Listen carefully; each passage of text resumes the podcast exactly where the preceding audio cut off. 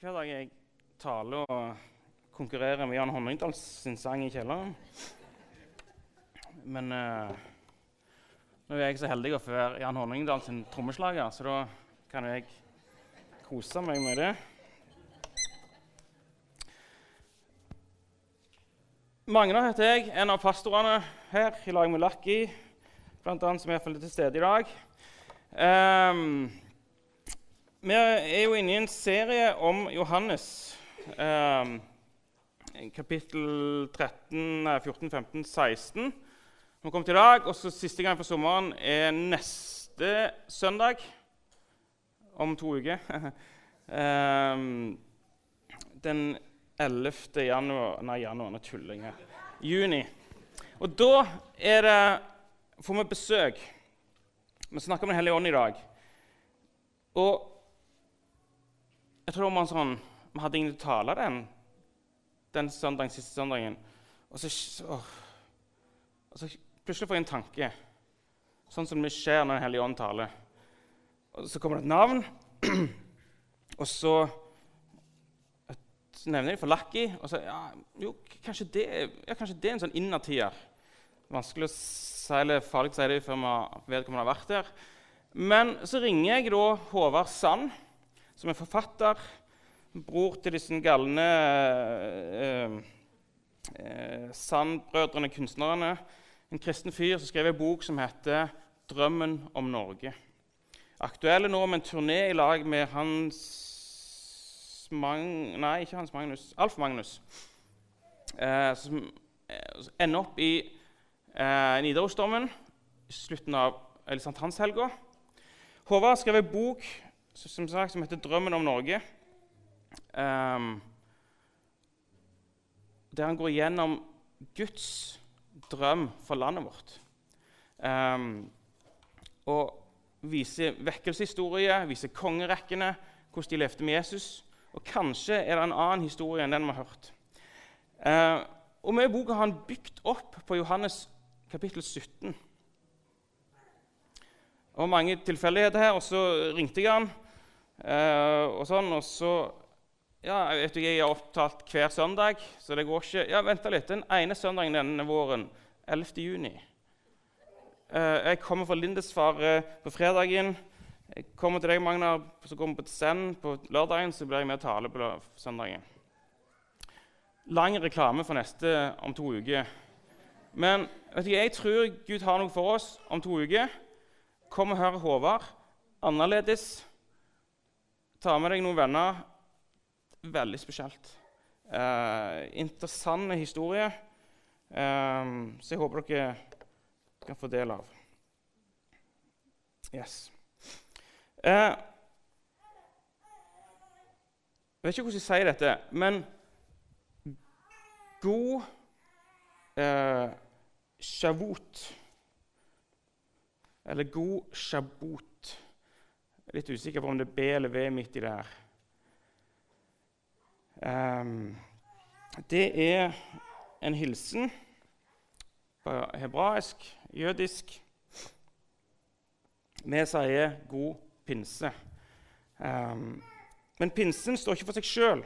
Pinsen den handler om noe. Den hadde noe historie før Den kom.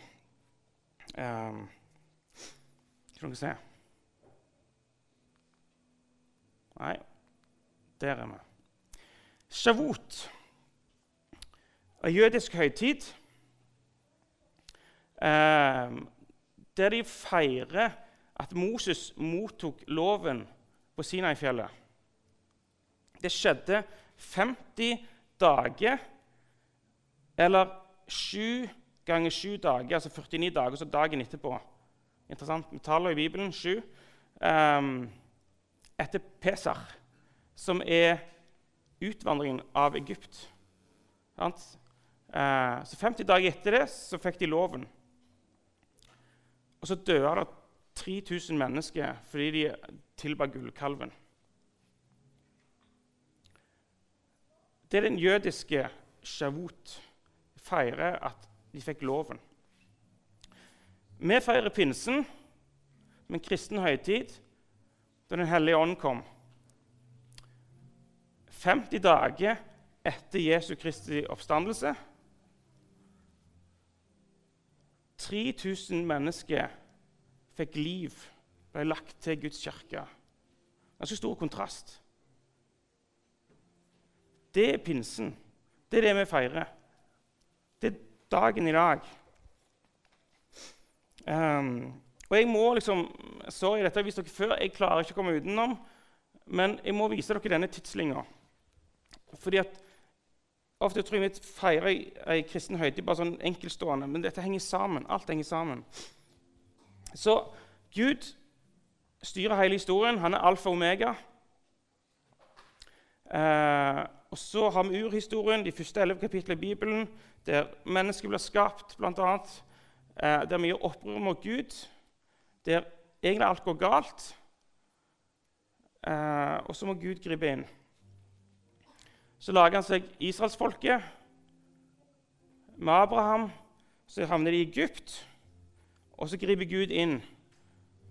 Og så frelser han de ut av Egypt, og så gir han dem loven. Og så er det dette her som skjer når Moses da har gått i lag med de i 40 år i ørkenen. Moses skal til å dø, folk skal inn i landet. Så har det gått skikkelig dårlig med dem. De har gjort opprør. De har vandret, istedenfor et par uker, så har de vandra 40 år. Så de er i opprør. Og så er det som, som eh, Moses sukker til Gud. Sier dette går ikke, jeg skal dø nå, dette kommer ikke til å gå bra. Og så sier han, Gud, du må gjøre noe annet. Og så, kom, så, så taler Gud gjennom Moses. Og her er første, første skritt mot pinsen. Han sier at eh, Gud skal omskjære deres hjerte, så du elsker Herren din Gud. De hadde fått omskjærelsen, men så snur Gud dette på noe vis at det skal handle om hjertet. Og så, eh, noen hundre år seinere, så kom profetene. Israelsfolket har øh, Takk. Israelsfolket har øh, vandra og tatt landet. Og så har de kasta ut kanonerene som får oppdraget Gud, for de var skikkelig ugudelige. Og så har de blitt verre sjøl. Der står det at eh, en av kongene i Juda han begynte å ofre sin egen sønn som et offer. Um, det var masse avgudsdyrkelse. Israelsfolket var ikke bedre enn de som var der før. Og da har du Jesaja, eh, som snakker om at dere er bare et folk som har en religion. Dere ærer meg med leppene, men hjertet deres er langt vekke. Kommer Jeremia, advarer de, sier dere må bli omskjært på hjertet. Det samme som Moses sa. Så kommer Esekiel enda litt seinere, der han sier Gud skal gi dere et nytt hjerte, en ny ånd i deres indre. Han skal ta bort dette her steinhjertet som vi har sett nå. Dere har blitt verre enn de som var her før. Dere har et hjerte av stein. Så kommer Gud med løftet. Jeg skal ta det bort. Jeg skal gi noe nytt. Så kommer Jesus, sentrum i historien vår. Johannes sa, 'Se der Guds lam som bærer verdens synd'. Han bærer bort verdens synd. Han utsletta skyldbrevet.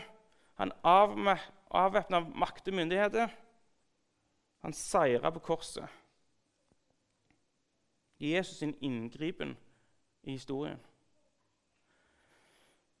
Og så er det pinse. Men, men sammen med pinsen så sier Jesus at dere skal være i Jerusalem, vente til dere får kraft.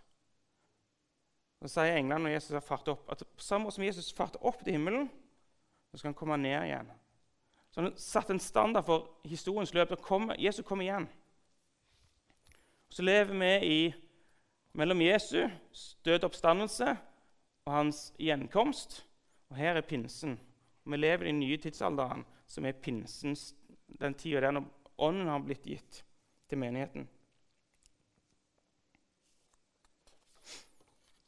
Og så er det interessant eh, hva, hva, sier det i apostelens gjerninger?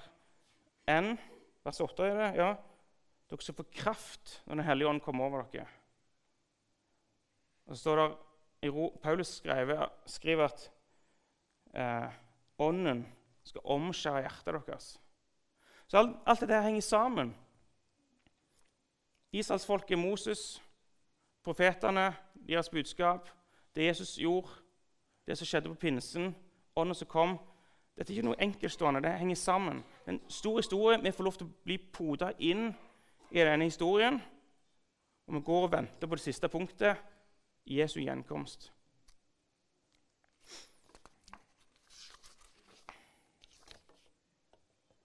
Så tror jeg at dette vi snakker om, det er ikke en sånn det er ikke en følelse. Det er ikke noe sånn eh, Ja, jeg føler meg jeg har eh, fått en hellig ånd, tror jeg, eller et eller annet sånt. Jeg tror det er enormt reelt. Det, syn, nei, det usynlige, den åndelige verden, er mye mer reell enn den verden som jeg og deg kan ta på.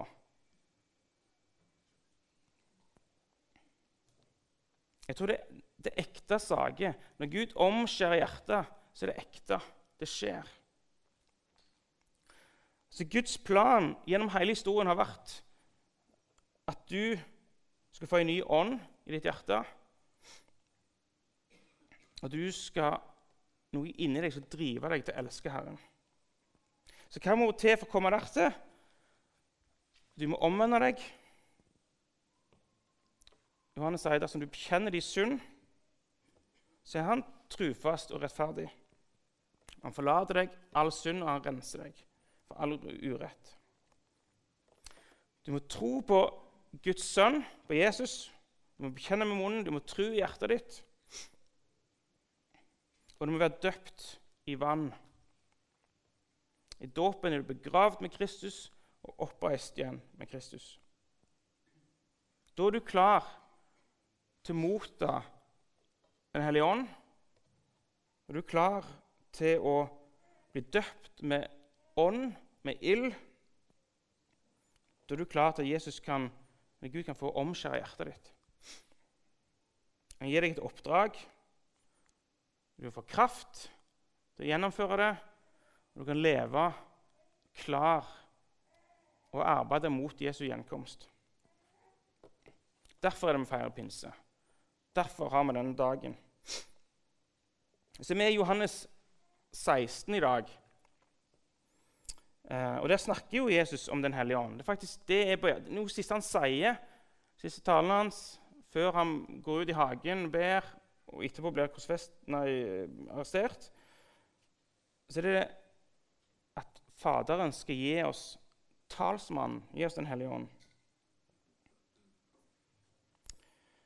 Og Så er vi i vers 7, der, um, der Jesus sier det er til gagn for dere at jeg går bort.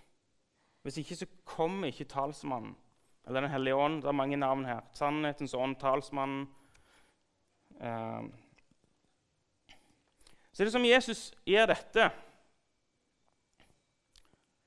Det er Jesus Og så er du Ånden. Og så Hjemme har vi hatt matte med Jonah i første klasse. Og da har vi lært om krokodillemunnen. Um, det som Jesus setter opp en sånn ligning og sier at det er til gagn at han forsvinner. Og så får vi Den hellige ånd. Og I mange år har jeg slitt med å forstå dette. Jeg skulle ønske jeg kunne se Jesus. Jeg ønsker Jesus så der, eller gjerne sto her og jeg satt der. Um, det har liksom vært så mye enklere. Men av en eller annen grunn så tar Jesus inn på en vandring at det er til gagn at han forsvinner. Og, og historisk så, så, har vi gjerne vært motsatt. Vi har favorisert Jesus og neglisjert Ånden. Når vi sier dette, her, så er det ikke meningen å, å, og løfte Ånden så høyt at Jesus forsvinner. Ånden sin oppgave, Den hellige ånd oppgave er å herliggjøre Jesus, så det går aldri Den hellige ånd med på. Um, Men jeg skal prøve å lage et lite poeng av dette. For Opp gjennom historien som sagt, som favoriserte Jesus. Det vært på et eller annet vis vanskelig til tider å forholde seg til Den hellige ånd. Fokuset på Åndens virke opp gjennom kirkehistorien har måttet vike f.eks. for, det, det var debatt når de lagde treenighetslæren. Så var det et av de store temaene. Har Ånden gått ut fra Faderen, eller har Ånden gått ut fra Faderen og Sønnen? Det er skikkelig lange mange år med diskusjon rundt dette. Eh, de som var opptatt av Ånden, ble ofte kalt for svermeriske. Eh, så fikk vi reformasjonen med Luther og ordet alene. Så det ordet Jesus, Jesus inkarnerte ordet, så skyver vi ånden langt vekk. Um, og så har vi gjerne med Den hellige ånd så vi, er det forbundet med en eller annen form for karismatikk, enten vi liker det eller ei. Um, Åndsgaver kjenner vi til. Jeg leser iallfall om det. Kanskje litt sånn framoverlent personlighet. Tar litt mye plass. Ustrukturerte, uorden. Så har vi en del sånn kritiske fasansetter til det som har med Den hellige ånd å gjøre. Men Den hellige ånd er mye mer enn dette. Går vi ca. litt mer enn 100 år tilbake i tid, begynnelsen av 1900-tallet, kjenner dere gjerne til Asusa Street-bevegelsen. Denne moderne pinsekirka ble født i 1906. Med sterk utgytelse av Den hellige ånd, um, som er historisk sett den raskeste og største kirkebevegelsen noensinne. Og det er en vekkelse som pågår ennå. Her lokalt så kjenner vi gjerne til sånn 70-, 80-, 90-tallet trosbevegelsen. F.eks. en lokal variant. Eh, Jæren kristne senter. Det har vært i media. Sant? I Dagen har skrevet om Flåten. Podkastserie. Lese om det. Tett på oss her på Jæren. Det er akkurat som vi bedehuskirkefolk holdt oss litt vekke fra det. Hellige Ånd Akkurat som noen, noen, altså noen karismatikere som har tatt, eh, tatt eierskap på det. Så vi holdt oss til ordet alene.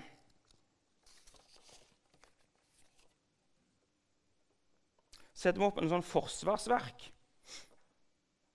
og så beskytter vi oss med å kalle noe for erfaringsteologi. Det er altså teologi formes av subjektive opplevelser. Eller noen går så langt jeg vet ikke om jeg klarer å si dette riktig, men sesjonisme, som er det at ånden var bare virksom med apostlene. Når de døde ut, så var ikke ånden virksom lenger fordi at da hadde vi fått ordet. Og så har vi historisk sett skjøvet Den hellige ånd ut på silinga. Generaliserer litt, men det er litt sånn. Så er vi, er vi litt trauste jærbuere. Det er greit med kirke, det er greit med Gud, det er greit med Jesus. Men ånden Litt sånn fremmedelement.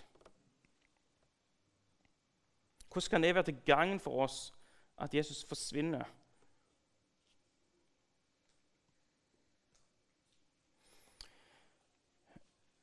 Min historie er det at eh, jeg vokste opp på bedehuset på Gandal.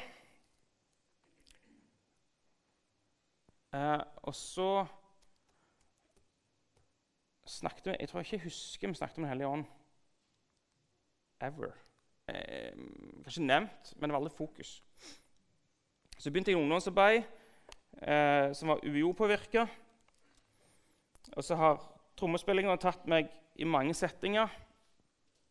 Jeg har fått så heldig å få truffet Envald Flåten, stått på scenen med han. Og en fantastisk opplevelse. For en gudsmann. Opplevde opplevd Åndens virke sterkt på en helt annen måte enn jeg fant på bedehuset hjemme fått reist rundt forbi verden, og truffet mennesker fra andre kulturer og sett et åndsliv som er annerledes enn det norske, og det jærske. Så eh, traff jeg rundt Millenniums 2000 traff jeg Kristina, kona mi. Hun var det et eller annet annet med. Hun, hun var annerledes. Jeg, jeg klarte ikke å forklare det. Men det var et eller annet som var Noe som bare var annerledes. Og så har jeg hørt historien seinere om at når hun satt i fem, seks, sju årsalderen en eller annen dag satt hjemme på rommet sitt, lekte med dokker, så kommer Den hellige ånd over henne. Og så begynner hun å tale i tunge. Hun blir sterkt møtt av Den hellige ånd. Og så ser jeg hvordan det, hvordan det livet har preget henne siden. Hvordan det åndsliv som hun fikk, som jeg ikke hadde Jeg hadde hun siden hun var fem-seks år. Hun ble døpt i Den hellige ånd mens hun satt og lekte med dere. Et tydelig avtrykk av ånden i hennes liv.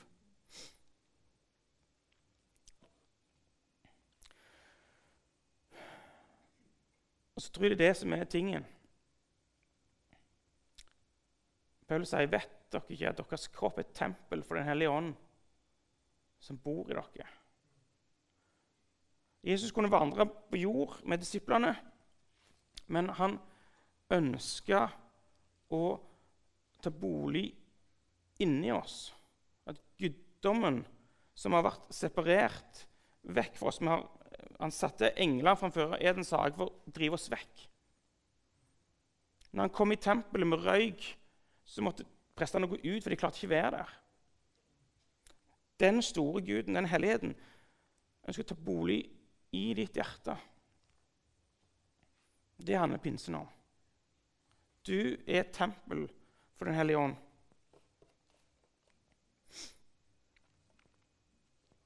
Så når vi går videre i Johannes 16, så er Jesus her helt på slutten av sitt liv så har han tre punkt der han forklarer hva Den hellige ånd skal gjøre. Første er, handler ikke om oss, eller det handler ikke om kirka. Det handler om verden ut forbi. Det han skal, ha, ånds oppgave er å overbevise verden om synd. Er i vers 8 og 9, hvis du følger med. Om synd fordi de ikke tror på Gud. Og tro her er jo den som vi har snakket om før i andre anledninger, epistis, som er det greske ordet. At dette er ikke bare intellektuell tro. Det handler om aktiv tro. Det handler om å kjenne Gud, ha en relasjon til ham det er det synd fordi du ikke tror. Og så skal han overbevise verden om rettferdighet. At han går til Faderen. Det vil si at Jesus er den eneste som kan gi den rette rettferdighet. Den eneste som kunne være dette offerlammet. Se der Guds lam som bærer verdens synd. Han var den eneste veien til Gud fins ingen andre. Det skal Den hellige ånd overbevise om. Og så skal Den hellige ånd overbevise om dom, vers 11. For at denne verdens første er dømt. Og så skal det minne oss på at Gud han er en rettferdig dommer. Han, han, han dømmer, han kommer til å dømme. Han kommer til å dømme den skyldige skyldige. Så Derfor må vi prøve å leve livet opp mot Guds rettferdige dom. Og så sier han at det er en annen ting Helligånden skal gjøre, at han skal veilede. Og da er det ikke verden. Det første punktet var verden ut forbi kirka. Men nå er det til kirka. I vers 14. 13 og 14. Jeg skal veilede dere, kirka, du, til hele sannheten. Det er deg som enkeltperson, eller det er du som familie, eller som kollektiv, som kirke, storfamilien. Så det er interessant, syns jeg, som står her, det er det at det står at det står ingenting om fortid. Jeg vet vi at Den hellige ånd, Gud, har vitnene har talt gjennom Skriften, gjennom profetene, gjennom apostlene. Men står det at Den hellige ånd han skal ta det han hører i presens, og så skal han tale det. Så han taler nå, det han hører. Og så sier Jesus skal han òg tale om de kommende ting, det som kommer. Om Jesu gjenkomst, om andre ting. Den hellige ånd lever, han er med Faderen. Han ser hva som er hos Faderen, og han ønsker å veilede oss. Vi gir det til oss, sånn som vi er klar. Så du kan høre Åndens stemme i dag. Du kan få spørre Gud om veiledning for dagen i dag. Du kan spørre Gud om veiledning for dagen i morgen eller neste år. For Ånden vet hva som skjer, og han ønsker å gi det til deg.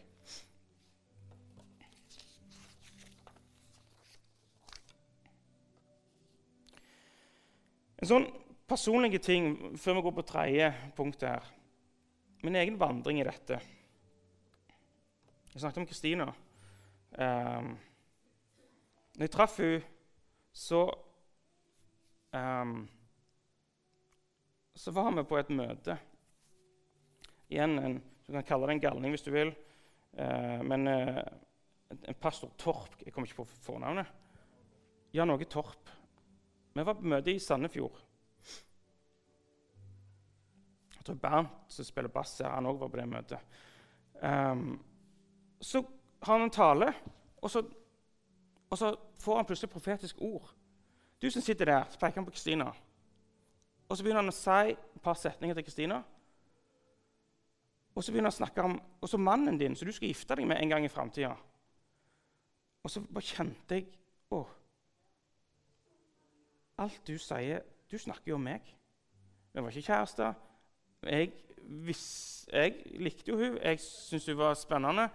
Eh, og så kjenner jeg bare mens han sitter der og snakker så, og profeterer ved Kristina så Du snakker rett. Du, du, snakker jo om meg. Vi har det på lydbånd, helt spesielt. Um, så jeg var jo ganske sikker med en sak. Uh, og så vi, når vi ble venner og sånt uh, vi skulle ikke være kjærester. Uh, ja, to ganger fortalte hun meg at Gud har sagt at det skal ikke være oss. Men jeg bare visste at det skulle være oss. Så i 2001 så reiste vi på DTS. Jeg reiste til Trondheim, hun reiste til Los Angeles. Og så Avskjeden var sånn Magna, jeg skal aldri se deg igjen. Det var knallhardt. Men så var det ikke hardt, for jeg visste i mitt hjerte du tar feil. Vi skal gifte oss. Jeg vet jo dette. Men, men, jeg hadde ikke noen fasit på det. Men jeg visste at ånden hadde talt. Jeg kjente det i hjertet mitt. Og så var jeg igjen på DTS-en ei uke etterpå. Hadde jeg ei uke i bønn og faste. Og så hadde jeg et kors, et smykke. Og ute og bada, så mista jeg det i en foss. Og så, åh, Det har jeg hatt siden jeg var konfirmant, tror jeg. Sånn, sånn nostalgisk og var litt lei meg. Og så umiddelbart får jeg en tanke. Du får et nytt smykke av Kristina. Det skal være tegn på at dere gifter dere. Um, så, eh, Hvor kommer den tanken ifra? Hvor kommer disse tankene ifra? For å beskrive det som en, en sånn stille plass bak i hodet mitt, der det kan være kaos rundt forbi, men av og til kommer det bare én dråpe ned. Og så uro, et eller annet vann. Eller så legger jeg merke til noe. Og så kjenner jeg ånden sier noe til meg. Veldig subjektivt, veldig erfaringsteologisk. Men det er min opplevelse. I dag er jeg gift med Kristine. Og når jeg var ferdig med den uka i bønn og faste eh, Kristine skulle aldri møte meg igjen, men, men hun kom og henta meg i flyplassen. Det hadde hun lyst til. Eh, og så, eh, så tenkte jeg ja, når kommer dette smykket, da? Og så eh, reiste hjem til mor og far, og så ringte Kristine jeg må ikke treffes igjen på kvelden. Ok, da, Så hadde hun kjøpt noe til meg fra USA. Eller, eller det var jo hadde vært på Artwich i Brasil og kjøpt et smykke. Det var et kors. Det stemte. Erfaringsteologi. Um, så visste jeg det at ja, dette går veien. Eh, sommeren kom, og, og, og vi Vi skulle ikke være kjærester. Absolutt ikke. Så vi tok ei uke eh, eller Hun sa nå, endelig, vi skal ikke få kjærester. Nå må vi gå hver må gå, ja, Aldri mer, Magna. Du har kommet hjem, jeg har kommet hjem. Nå må vi aldri se hverandre mer, for dette blir vanskelig.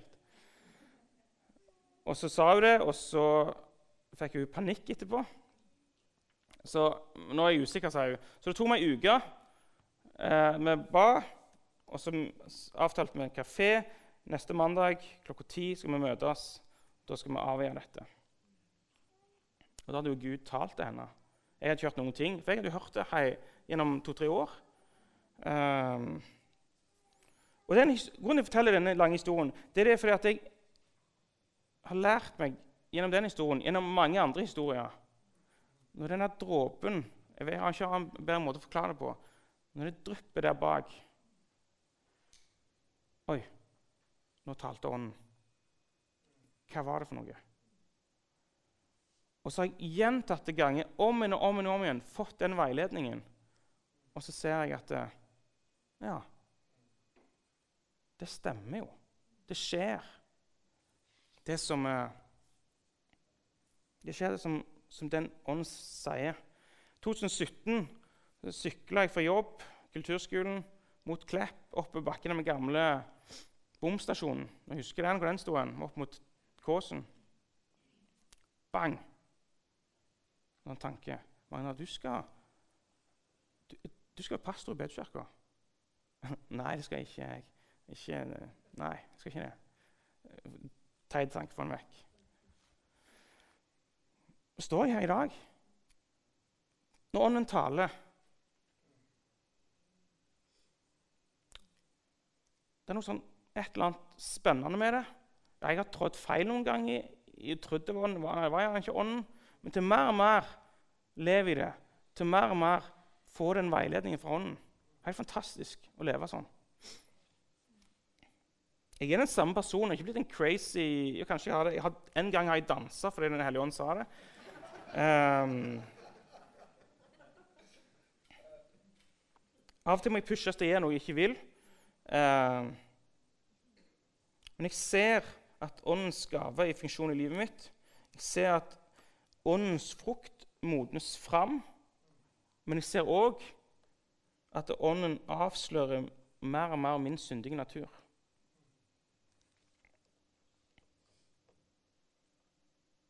Men jeg ønsker velkommen. Åndens ledelse, åndens veiledning. Ok, nok om det. Siste oppgaven Helligånd skal gjøre, det herliggjør Jesus.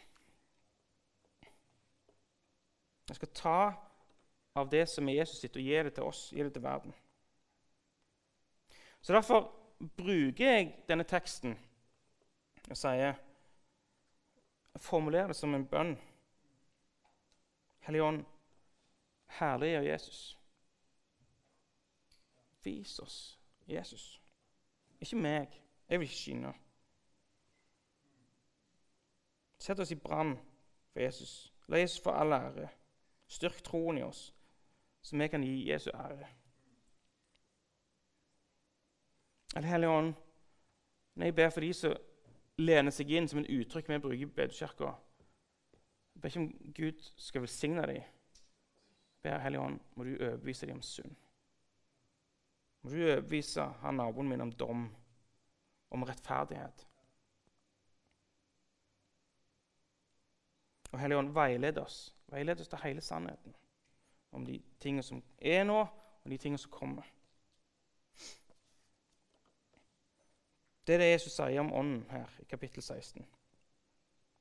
Så kommer det noen vers fra 16 til 22 som handler om at han forbereder disiplene på at han skal dø og stå opp igjen. skal vi gå inn i Jeg husker ikke hva som kommer. Jo, i vers 23 og 24. Skifter litt fokus, men jeg tror det har med ånden å gjøre. Når jeg leser disse versene her, så har jeg alltid tenkt på bønn. Kan jeg ja, jeg spør Gud om hva jeg vil, alt jeg ber om når jeg sier Jesu navn på slutten, det skal jeg få. Jeg skal be, og jeg skal få. Så jeg vet ikke hvor mange ganger jeg har øh, Ja, nå skal jeg personlig. Huskirka vår øh, Nei, nå var det ikke her. Um, på tirsdag i huskirka vår så var det en som var dårlig. Så skulle vi be for han. Altså, OK, jeg leder huskirka. Jeg må bare be. Ah, be Jesus bli helbreda. I Jesu navn, sier jeg. Akkurat som en sånn magisk formel. Og så, ingen tro for at han skal bli helbreda. Og, og, så lenge jeg var i den huskirka den kvelden, han ble ikke helbreda, selv om jeg sa i Jesu navn. Så det her, det her går ikke opp. Det er et eller annet med denne Be for et eller annet som jeg ikke har tro for, og så i Jesu navn. Så, så det, det, er ikke en trylleformel å si Jesu navn. Det er noe annet. Det som jeg tror denne teksten handler om, det handler om at det som Jesus har sagt, han går til Faderen. Nå skal han gjenopprette vårt forhold til Faderen. Det har vært lukka, det har vært stengt, det har vært atskilt. Nå går han og dør på korset. Hva skjedde? Forhenget, det revna. Og så er det fri adgang inn til Faderen, til nådens trone. Og så er det Jeg sier hittil har dere ikke bedt om noe i mitt navn. Det tror jeg er nøkkelen her. Hittil har de bare forholdt seg til Jesus. De har forholdt seg til Javé, som er en måte guden som de jødene tilba. Men farsrelasjonen Javé har de ikke forholdt seg til. Det tror jeg er fokus til Jesus. Enormt revolusjonerende at de kunne settes inn i et farsforhold til Gud. Så at Jesus reiser, er til gagn for dem. For da går de ikke til Jesus, men da går de rett til Faderen sjøl.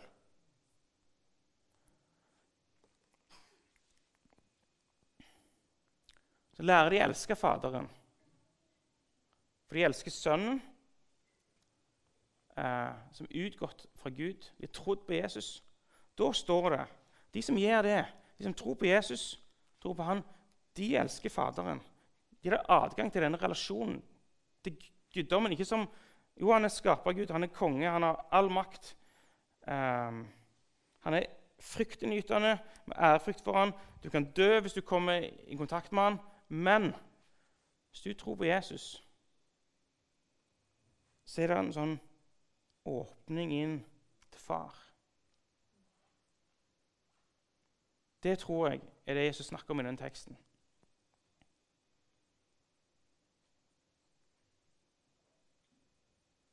Ja, det er en del ting vi kan be om.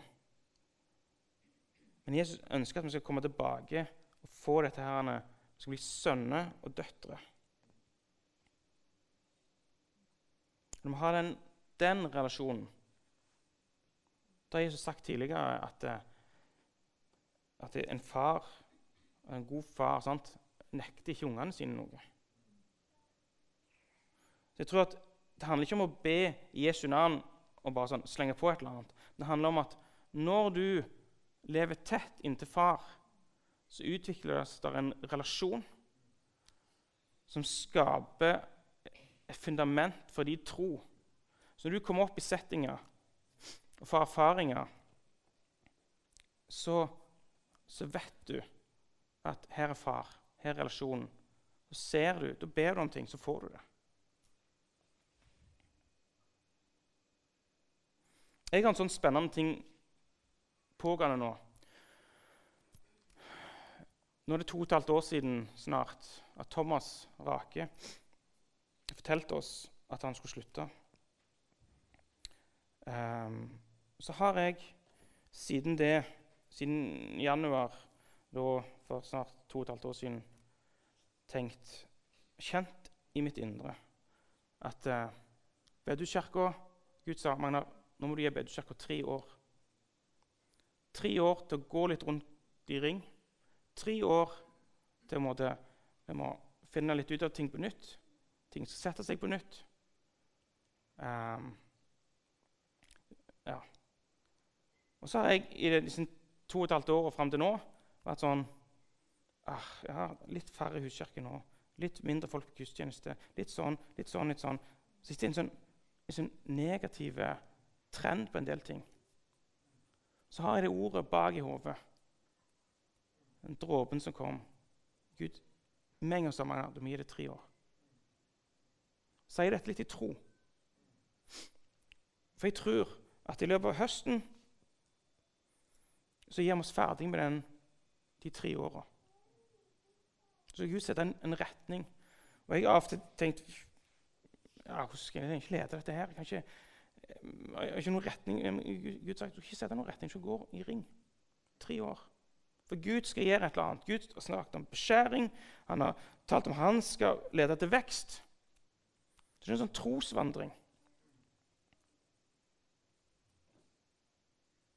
Det hadde jeg hatt tro for hvis jeg ikke visste at når Ånden taler på, dette fundamentet av farsrelasjon Da hadde jeg hatt panikk. Men jeg har ikke panikk. Vi vet at far har talt gjennom sin ånd. Han skal gjøre noe. Og så er det en spenning i det å vandre med ånden. Du ser det ikke. Jeg vet ikke ennå. Ja, det kan være jeg tar feil. Kanskje. Vet ikke. Nei, men jeg vet ikke, jeg kjenner far.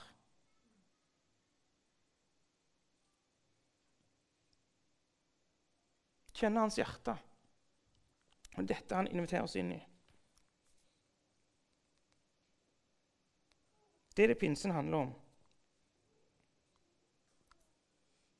At Jesus døde, han sto opp igjen. Han gikk opp til Faderen, ga sin ånd for at vi kunne leve tett med Faderen. Vi kunne snakket ukevis om Den hellige ånd. Det er så mange falsetter, så mange ting å ta i. Men dette er det jeg finner i Johannes kapittel 16. Så begynner han kapittelet med trengsel, og så avslutter han med trengsel.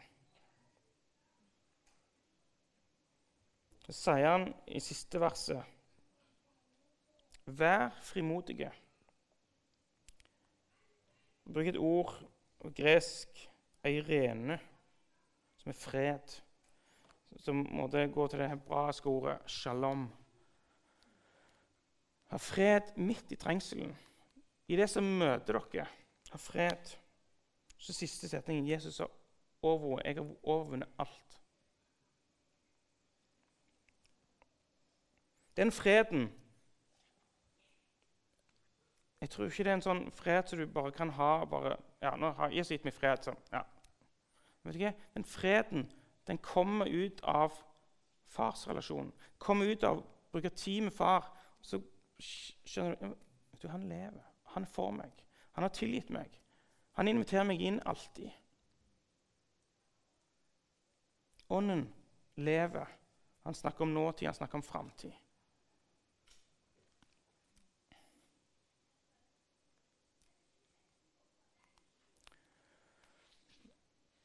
Så vi ber. Jesus, jeg så takker deg for at du kom til jord, og du styrer historiens gang. Du er alfa og omega. Du skapte. Du så det gikk galt. Du tok tak i Abraham. Du leda folk ut av Egypt. Du ga dem loven. Og så ga du et løfte om at du skulle gi oss en ny ånd, et nytt hjerte, som drar oss mot Gud. Et mykt hjerte, en ånd som tilber Jesus, tilber Faderen. Står vi her og minnes hva du gjorde på pinsedag. Så Hellige Ånd, kom du nå og veiled oss. Kom du og herliggjør Jesus. Kom du og ta din plass. Tre med det sies, og så i eget liv sier Hellige kom du og sett deg i førersetet. Kom du og tal i kaoset. Kom du og led i kirka. Kom du, Hellige Ånd, og styrk oss. Hold oss oppe. Sett fokuset vårt på at du kommer snart igjen. Så ber vi nå, Hellige at du skal komme og fylle oss opp. Vi fyller livet vårt med enormt mye annet. Underholdning, hverdagsliv, skuffelse og nederlag. Jeg ber akkurat nå du skal komme og snu glasset, helle ut det ringer. Så skal du snu glasset igjen og skal du fylle på det med levende vann. Fylle på med, med din ånd, Herre.